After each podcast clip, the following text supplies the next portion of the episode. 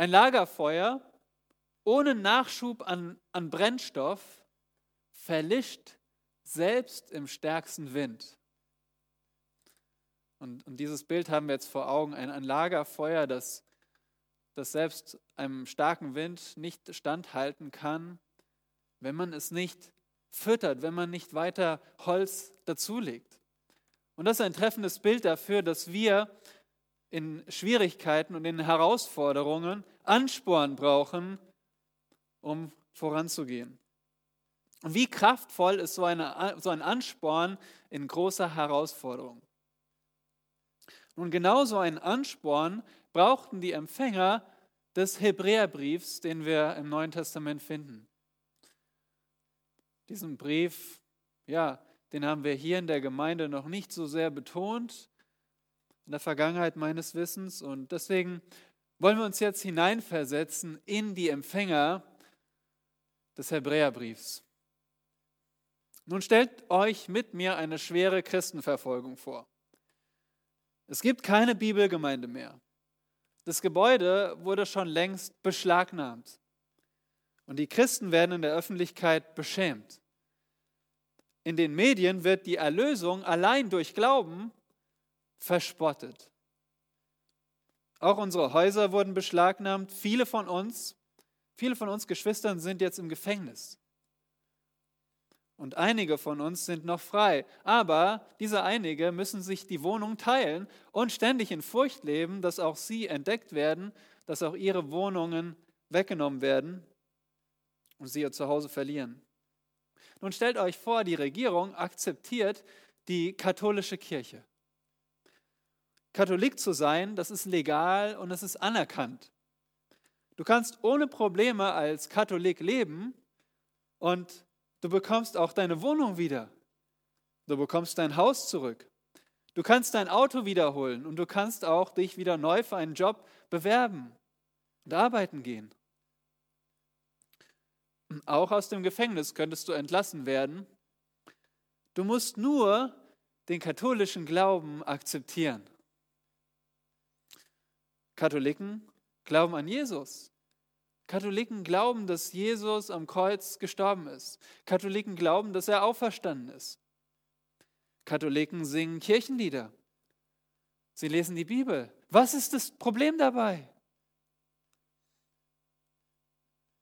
Nun, genau das war die Situation der Hebräer. Damals gab es keine katholische Kirche, aber in der Hitze der Verfolgung liefen auch diese Gläubigen liefen Gefahr, ihren Glauben wegzuwerfen. Und damals war die Verlockung, zum Judentum zurückzugehen. Denn das Judentum war legal.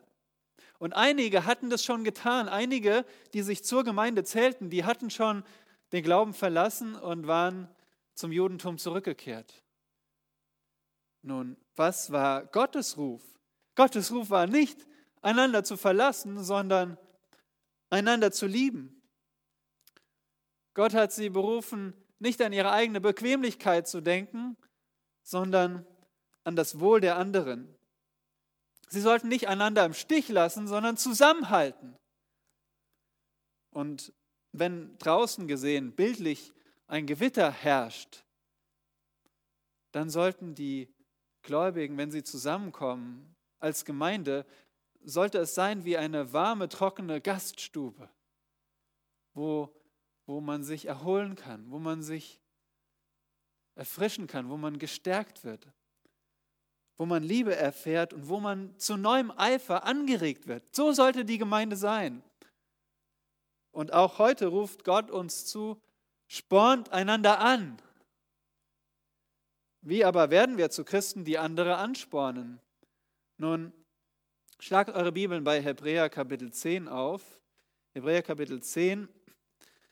Wie gesagt, der Hebräerbrief ist nach den Empfängern, den Hebräern benannt und der Autor wird aber nicht genannt. Und so haben wir hier einen Brief, der letztendlich wie jeder Brief im Neuen Testament vom Heiligen Geist kommt. Als Randnotiz, wahrscheinlich wurde der Brief von Paulus geschrieben Schon früh wurde der Brief dem Paulus, Apostel Paulus zugeschrieben und im vierten Jahrhundert war es allgemein anerkannt, dass Paulus diesen Brief geschrieben hatte. Auch Inhalt und Ausdrucksweise bestätigten das. Aber es gibt unterschiedliche Sichtweisen. Wahrscheinlich waren diese Empfänger in Jerusalem, aber es ist auch möglich, dass sie in Rom waren. Also auch hier ist man sich nicht hundertprozentig sicher. Aber was wir wissen, ist, dass die jüdische Religion von den Römern toleriert wurde. Und so war die Frage, warum nicht zum alten Bund zurückkehren? Diese, diese Christen wollten ja nicht den lebendigen Gott aufgeben. Sie wollten weiter an Jahwe glauben. Sie wollten sich nur unter den Juden verstecken und, und einfach Tiere opfern, in die Synagoge gehen. Aber dieser Brief warnt sie davor. Dieser Brief warnt sie davor, dass eine Rückkehr zum Judentum unumkehrbar war. Es würde beweisen, dass sie nie einen echten, beständigen Glauben hatten. Und so beweist der Schreiber anhand des Alten Testaments, dass eine Rückkehr zum Judentum völlig absurd, völlig unlogisch, völlig widersinnig wäre. Warum? Weil der neue Bund unter Christus viel besser ist als der alte. Und so können wir den Brief in einem Wort zusammenfassen mit dem Wort Vorrang. Vorrang. Christus hat Vorrang vor allem anderen. Er ist besser als die Engel, er ist besser als Mose, er ist besser als der Priester, als die Stiftshütte, als Tieropfer. Und genau diese Beweisführung in den zehn Kapiteln, die geht unserem Text voraus. In der irdischen Stiftshütte, da brachte man mühevoll wiederholt Tieropfer, immer wieder blutige Tieropfer. Und man konnte als Israelit auch gar nicht in die Stiftshütte reingehen. Da durfte nur der Hohepriester einmal im Jahr ins Allerheiligste. Und demgegenüber opferte sich Christus wie häufig? Einmal. Und danach ging er durch sein Blut in das himmlische Heiligtum und setzte sich hin beim Vater. Und dort ist er, bis er seine sichtbare Herrschaft auf der Erde antritt. Also, das finde ich, find ich wirklich begeisternd. Hebräer 10, Vers 19 macht die Schlussfolgerung aus allem, was vorher gesagt wurde. Der ganze Brief wird hier zusammengefasst, gleich in den ersten Versen. Und so lest mit mir Hebräer 10, Vers 19 bis 25. Da wir nun, ihr Brüder, Kraft des Blutes Jesu Freimütigkeit haben zum Eingang in das Heiligtum, den er uns eingeweiht hat als neuen und lebendigen Weg durch den Vorhang hindurch, das heißt durch sein Fleisch, und da wir einen großen einen großen Priester über das Haus Gottes haben, so lasst uns hinzutreten mit wahrhaftigem Herzen, in völliger Gewissheit des Glaubens, durch Besprengung der Herzen los vom bösen Gewissen und am Leib gewaschen mit reinem Wasser. Lasst uns festhalten am Bekenntnis der Hoffnung, ohne zu wanken, denn er ist treu, der die Verheißung gegeben hat. Und lasst uns aufeinander Acht geben, damit wir uns gegenseitig anspornen zur Liebe und zu guten Werken, indem wir unsere eigene Versammlung nicht verlassen, wie es einige zu tun pflegen, sondern einander ermahnen. Und das umso mehr, als ihr den Tag herannahen seht. Und in diesem Abschnitt finden wir vier, auf, vier Anforderungen an einen anspornenden Christen. Vier Anforderungen an einen anspornenden Christen. Und die erste Anforderung ist die Voraussetzung. Die Voraussetzung ist Errettung in Versen 19 bis 21. Der Autor, der fasst hier auf den Punkt zusammen, was er den ganzen Brief über gesagt hat. Er fasst zusammen, welche Vorrechte wir in Christus haben. Und diese Vorrechte gelten nur für dich, wenn du von Gott errettet bist. Und liebe Geschwister, lasst uns jetzt über zwei unfassbare Vorrechte staunen, nämlich über den Zugang zu Gott und über den Mittler vor Gott. zuerst den Zugang vor Gott. Schaut mit mir in Vers 19.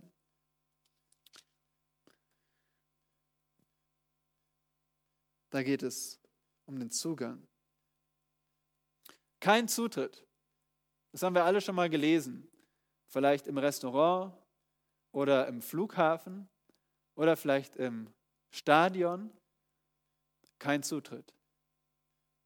Und vielleicht kennst du auch schon das mulmige Gefühl, wenn du eine Absperrung übergangen hast, wo du nicht hingehen darfst.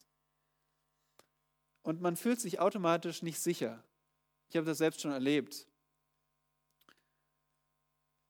Über eine Absperrung drüber gegangen. Man fühlt sich komisch, man, man ist nicht sicher. Und so kann das auch die Israeliten. Sie hatten keinen Zutritt zur Stiftshütte und dem späteren Tempel. Nur einmal im Jahr durfte der Hohepriester ins Allerheiligste. Und niemand von uns kann ruhigen Gewissens irgendein Zutrittsverbot über, übergehen. Ganz anders, wenn du dein Haus aufschließt oder wenn du an deine Arbeitsstelle kommst. Dann hast du kein komisches Gefühl, weil hier gehörst du hin, hier hast du Zutritt. Und jetzt kommt das Unfassbare. Wir haben Zutritt zu Gott. Verzeihung. So auch hier. Wie befreiend ist es, wenn man Zutritt hat? Und zwar in Vers 19 steht, da wir nun, ihr Brüder, Kraft des Blutes Jesu Freimütigkeit haben zum Eingang in das Heiligtum. Freimütigkeit, wir haben Zuversicht, wir können völlig unbeschwert in das Heiligtum reingehen, in das Heiligtum Gottes, in die Gegenwart Gottes. Und das Heiligtum ist nicht auf der Erde irgendwo, sondern das Heiligtum, das hier gemeint ist, ist ein himmlisches Heiligtum in der Gegenwart Gottes. Wer gibt dir Erlaubnis dafür, in dieses Heiligtum zu gehen? Schau in Vers 19. Kraft des Blutes Jesu, das vollkommene Blut Jesu.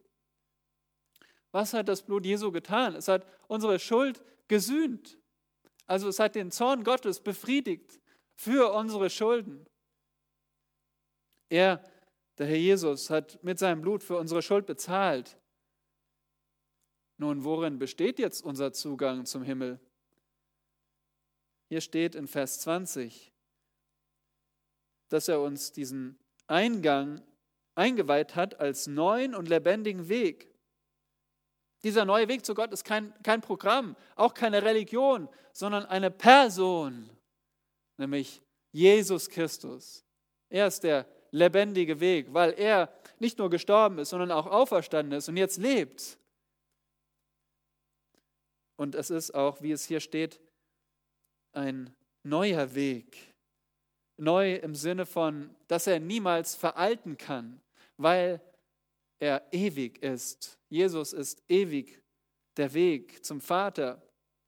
Und wo führt er durch? Durch den Vorhang. Wir denken an den Vorhang im, im Tempel und an der Stiftshütte, der, der auf der einen Seite eine Trennung war, aber auf der anderen Seite auch ein Zugang für, für den, der durchgehen darf. Nun, durch Christus können wir hindurchgehen zu Gott. Wir haben den Weg zu Gott. Ist es nicht unglaublich? Wir haben Zugang zu Gott. Warum? Weil Jesus wahrer Mensch wurde. Hier steht es, durch sein Fleisch. Weil Jesus als Gott Mensch wurde, Mensch, ein, einen menschlichen Körper und menschlichen Geist hatte und als wahrer Mensch jetzt der Mittler ist, der Weg, der Weg, weil er sein Blut und sein Leben hingegeben hat am Kreuz und wir jetzt zu ihm kommen können. Wie kannst du in das Bundeskanzleramt gehen? Nun, du kannst sagen, da gibt es eine Tür, ich kann durch diese Tür gehen. Geh mal dorthin und versuch mal durch diese Tür zu gehen. Du hast keine Chance, denn du hast kein Zutrittsrecht. Aber jetzt stell dir vor, Frau Merkel als Bundeskanzlerin wählt dich aus, möchte mit dir in das Kanzleramt gehen und du gehst an ihrer Seite völlig befreit hindurch. So ist Jesus. Jesus ist derjenige, der mit uns ins Heiligtum geht, der uns zum Himmel bringt. Wir haben nicht nur den Zugang, sondern zweitens, wir haben auch einen Mittler. Jesus ist unser Mittler in Vers 21. Und da wir einen großen Priester haben, ein Hohepriester, ein Mittler. Ein Priester war jemand, der zum einen opferte, zum anderen, was hat er getan? Vermittelt. Oder er, hat, er ist eingetreten für das Volk. Und so hat Jesus zum einen geopfert, sich selbst geopfert, aber zum anderen vertritt er uns jetzt, weil er jetzt immer noch lebt. Er ist ewig, er sitzt ähm, zur Rechten des Vaters und er vertritt uns vor Gott. Unglaublich.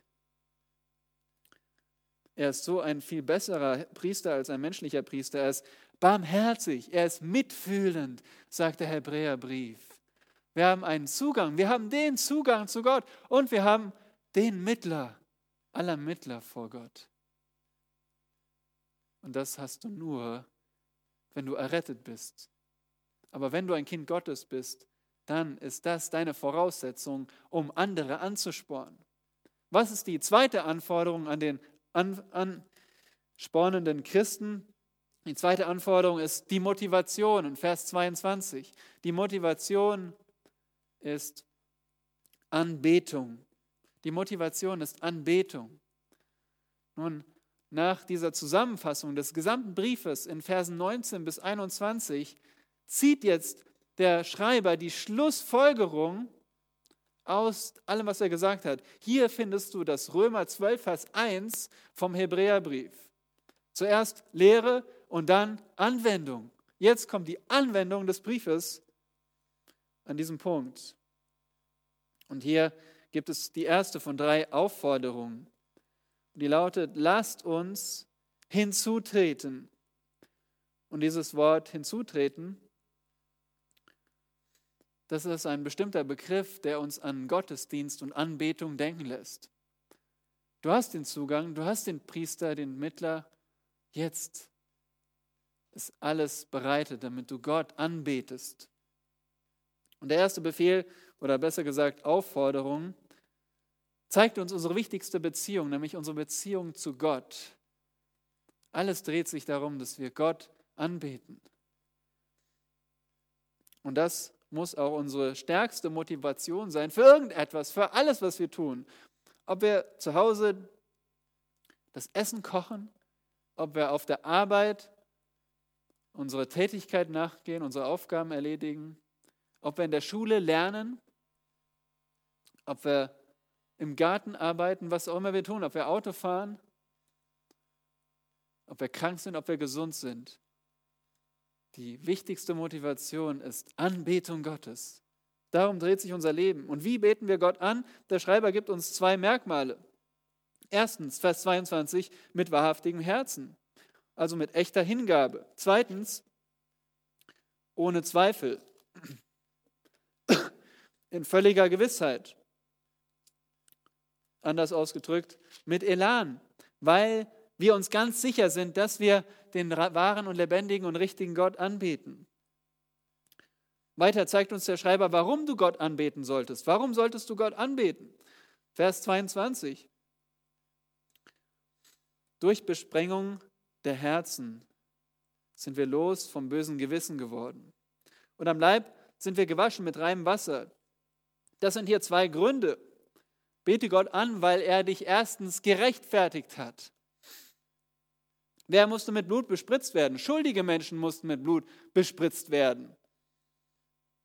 So auch der Priester bei seiner Einsetzung hat er Blut bekommen.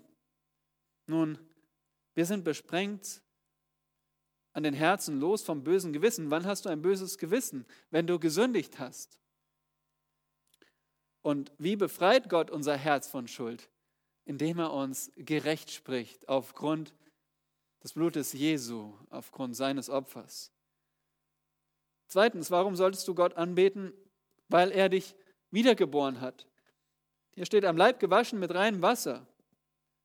So wurden auch Priester gebadet. Im Wasser mussten sie sich baden, um sich zu reinigen, in einem bildlichen Sinne. Und das wird im Neuen Testament auch angewendet in Titus 3, Vers 5, in dem Bad der Wiedergeburt. Wir werden aber nicht von unserer Sünde durch Wasser gereinigt, sondern unsere Verderbtheit kann nur durch das Bad der Wiedergeburt, durch den Heiligen Geist gereinigt werden und neu gemacht werden. Und dadurch sind wir wiedergeboren. Und das sind zwei kraftvolle Gründe, dass wir Gott anbeten, weil er uns gerecht gesprochen hat, weil er uns zu neuen Menschen gemacht hat. Und hier steht, lasst uns hinzutreten, lasst uns alle anbeten. Wir machen das nicht nur individuell, wir machen das als ganze Gemeinschaft. Das ist Gottes Ziel, dass wir gemeinsam Gott anbeten. Weil Christus eine Gemeinde erkauft hat, nicht nur dich als einzelne Person. Und wenn wir geistlich wachsen, dann werden wir automatisch die Gemeinde lieben, weil Christus die Gemeinde liebt. Wenn du die Gemeinde nicht liebst, zeigt das nur, dass du Christus nicht liebst, wie du ihn lieben sollst, weil er die Gemeinde liebt. Und deswegen sind diese drei Aufforderungen auch im Plural. Und was ist die zweite Aufforderung? Und jetzt wollen wir nicht durcheinander kommen. Ich meine jetzt diese zweite Aufforderung in Vers 23. Und in unserer Logik ist das die dritte Anforderung an einen anspornenden Christen. Diese dritte Anforderung ist die Überzeugung. Die Überzeugung. Was ist die Überzeugung? Die Überzeugung ist Hoffnung. In Vers 23. Und diese Aufforderung visiert unseren inneren Glauben an. Wovon bist du überzeugt? Ist die Frage hier. Vers 23 appelliert der Autor, lasst uns festhalten am Bekenntnis der Hoffnung. Bist du überzeugt, dass du nach dem Tod in den Himmel zu Gott gehst? Glaubst du fest, dass Jesus wiederkommt und sein irdisches Reich aufrichtet? Bekennst du bereitwillig vor anderen, dass ein Mensch entweder nach dem Tod in die ewige Hölle geht oder auf, dem, auf der neuen Erde mit Gott zusammenlebt? Hoffst du täglich auf Gottes neue Schöpfung? Ist es so? Nur dann, nur dann kannst du ein Christ sein, der andere anspornt, wenn du diese feste Überzeugung hast. Und nun sei ermutigt, weil es stimmt. Die Bibel ist wahr. Hier steht in Vers 23, denn er, Gott, der Herr Jesus, ist treu der die Verheißung gegeben hat. Gott ist treu. Gott ist wahrhaftig. Gott lügt nicht. Was er verheißen hat, ist wahr. Und darum sollen wir festhalten, felsenfest festhalten.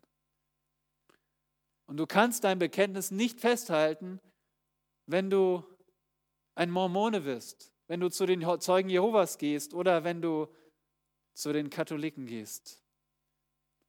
Und für die Hebräer war es, du kannst dein Bekenntnis nicht festhalten, wenn du zu den Juden gehst. Und darum ist es eine, auch eine Gemeinschaftsaktion, dass wir unser Bekenntnis festhalten. Dazu brauchen wir einander, dass wir einander ermutigen, daran festzuhalten, was Gott ein für alle Mal geoffenbart hat. Und jetzt kommen wir schließlich zur vierten Anforderung an einen anspornenden Christen. Und die vierte Anforderung ist der Lebensstil Gemeinschaft. Der Lebensstil Gemeinschaft. Versen 24 bis 25. Bist du errettet? Motiviert dich die Anbetung Gottes? Und bist du überzeugt von deiner Hoffnung? Dann bist du bereit, auch andere anzusporen. Und so sagt der Autor in Vers 24, und lasst uns aufeinander acht geben. Und das ist interessant, dieses Acht geben bedeutet sorgfältig nachzudenken, jemanden oder etwas in Gedanken zu betrachten, sich vorzustellen. Nun, was machst du, wenn du über etwas sorgfältig nachdenkst?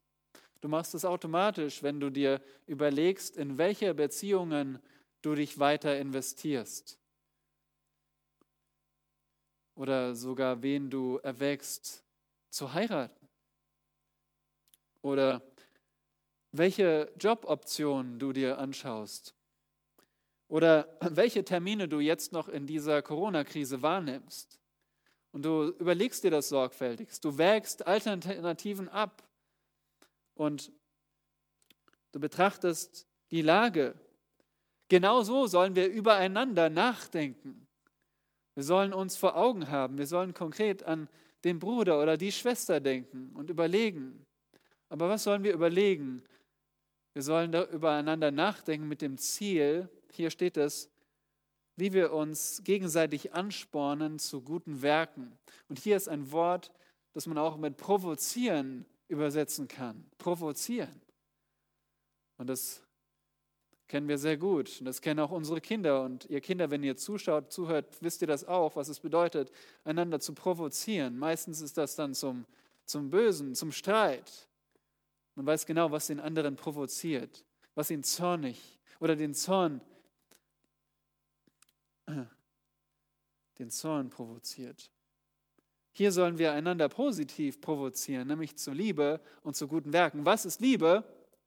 Liebe, ja, Liebe ist opfern, sich hingeben für das Wohl des anderen. Und wie hängen jetzt Liebe und gute Werke zusammen? Nun, Liebe, Liebe ist die Haltung, ist die Entscheidung. Liebe ist auch dann automatisch die, die Ursache für gute Werke. Gute Werke sind der logische Ausdruck von Liebe. Und wenn du liebst, dann wirst du Gutes tun. Und deswegen hängt das so zusammen. Deswegen sagt er, spornt einander an zu lieben und guten Werken. Nun, wie tun wir das? Der Autor zeigt uns, wie wir es nicht tun und wie wir es tun. Wie tun wir das nicht? Und wir tun es nicht, indem wir die Versammlung verlassen. In Vers 25 steht, indem wir unsere eigene Versammlung nicht verlassen.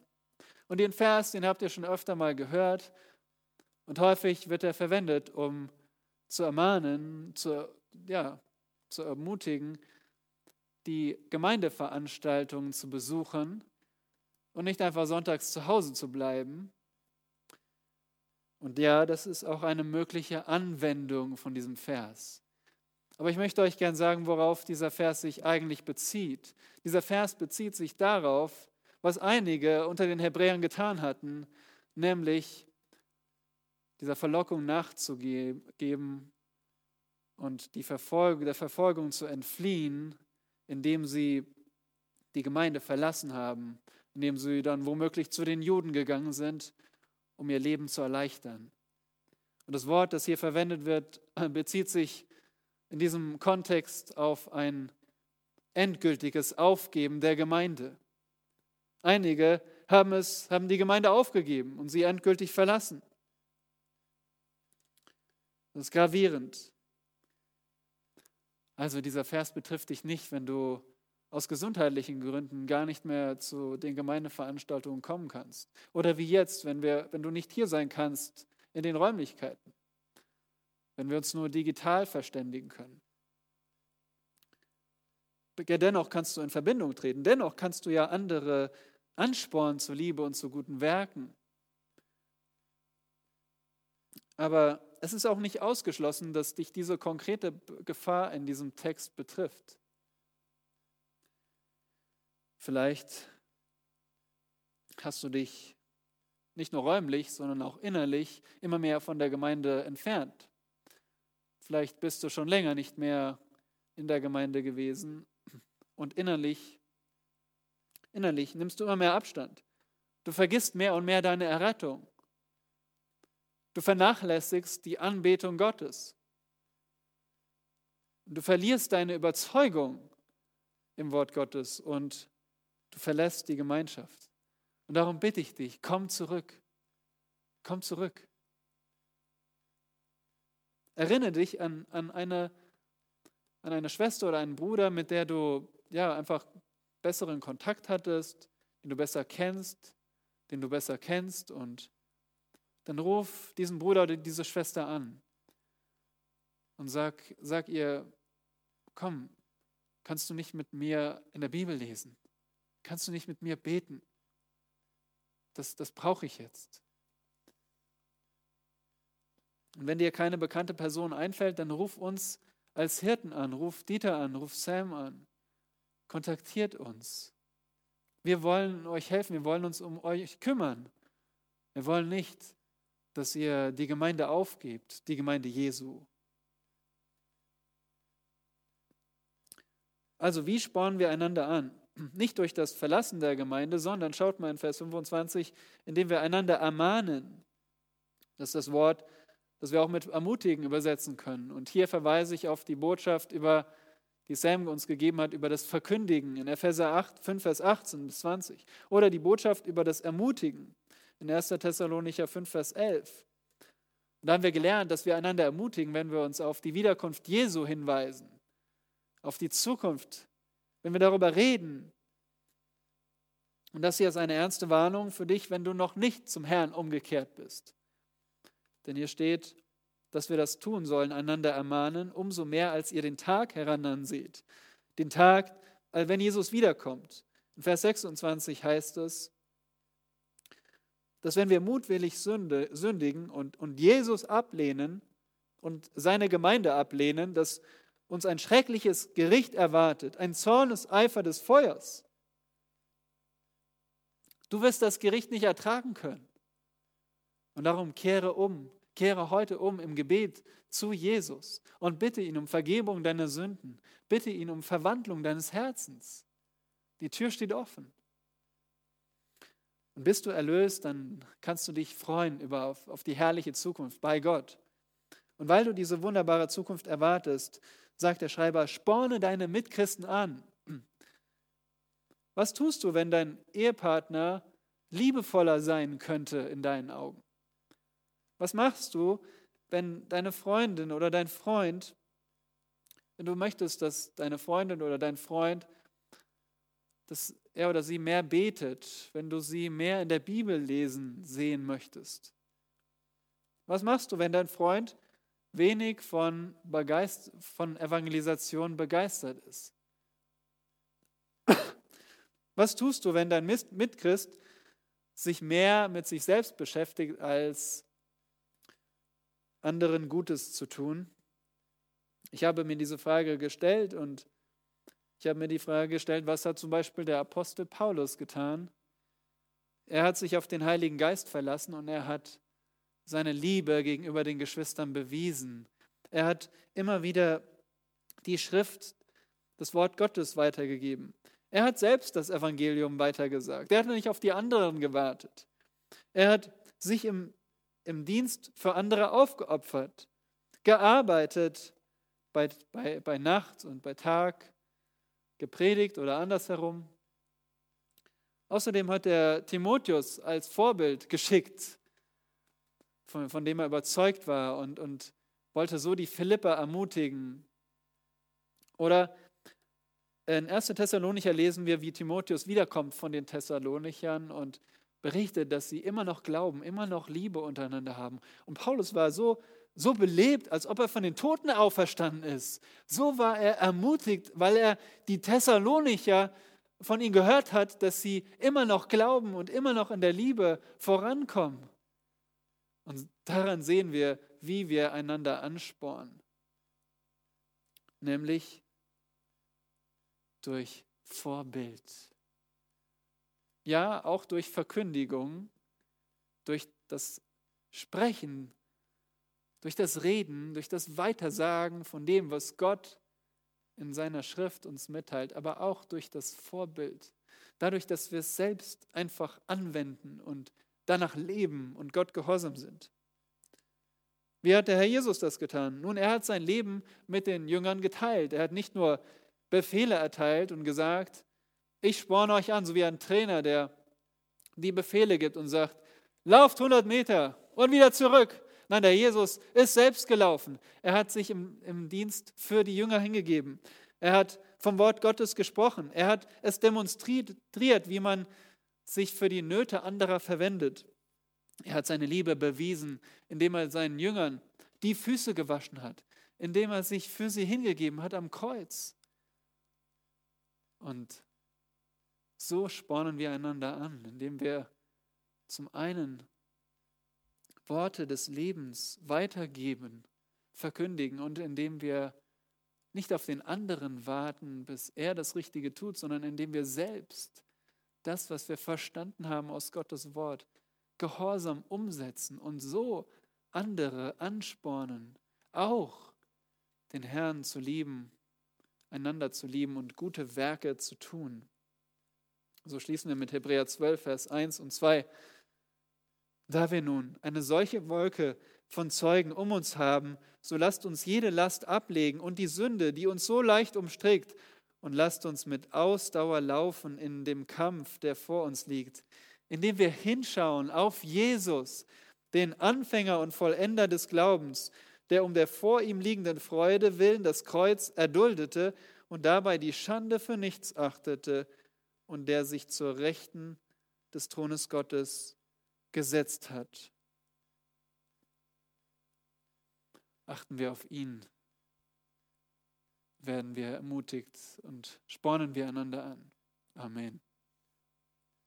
Herr Jesus, danke für dein Wort, in dem wir auch dich so klar sehen als unseren Zugang, als unser Mittler. Herr, und wer heute deine Stimme gehört hat und nicht gläubig ist, so lass ihn jetzt zu dir kommen, jetzt ins Gebet gehen, damit er nicht ins Gericht kommt, sondern ewiges Leben hat. Und Herr, hilf uns als Gemeinde, in die du uns gestellt hast, dass wir einander anspornen und nicht die Versammlung verlassen. Und hilf uns das zu tun, auch in dieser Zeit, wo wir uns nicht hier räumlich versammeln können. Bitte mach du das bald wieder möglich. Lass uns nicht zufrieden sein.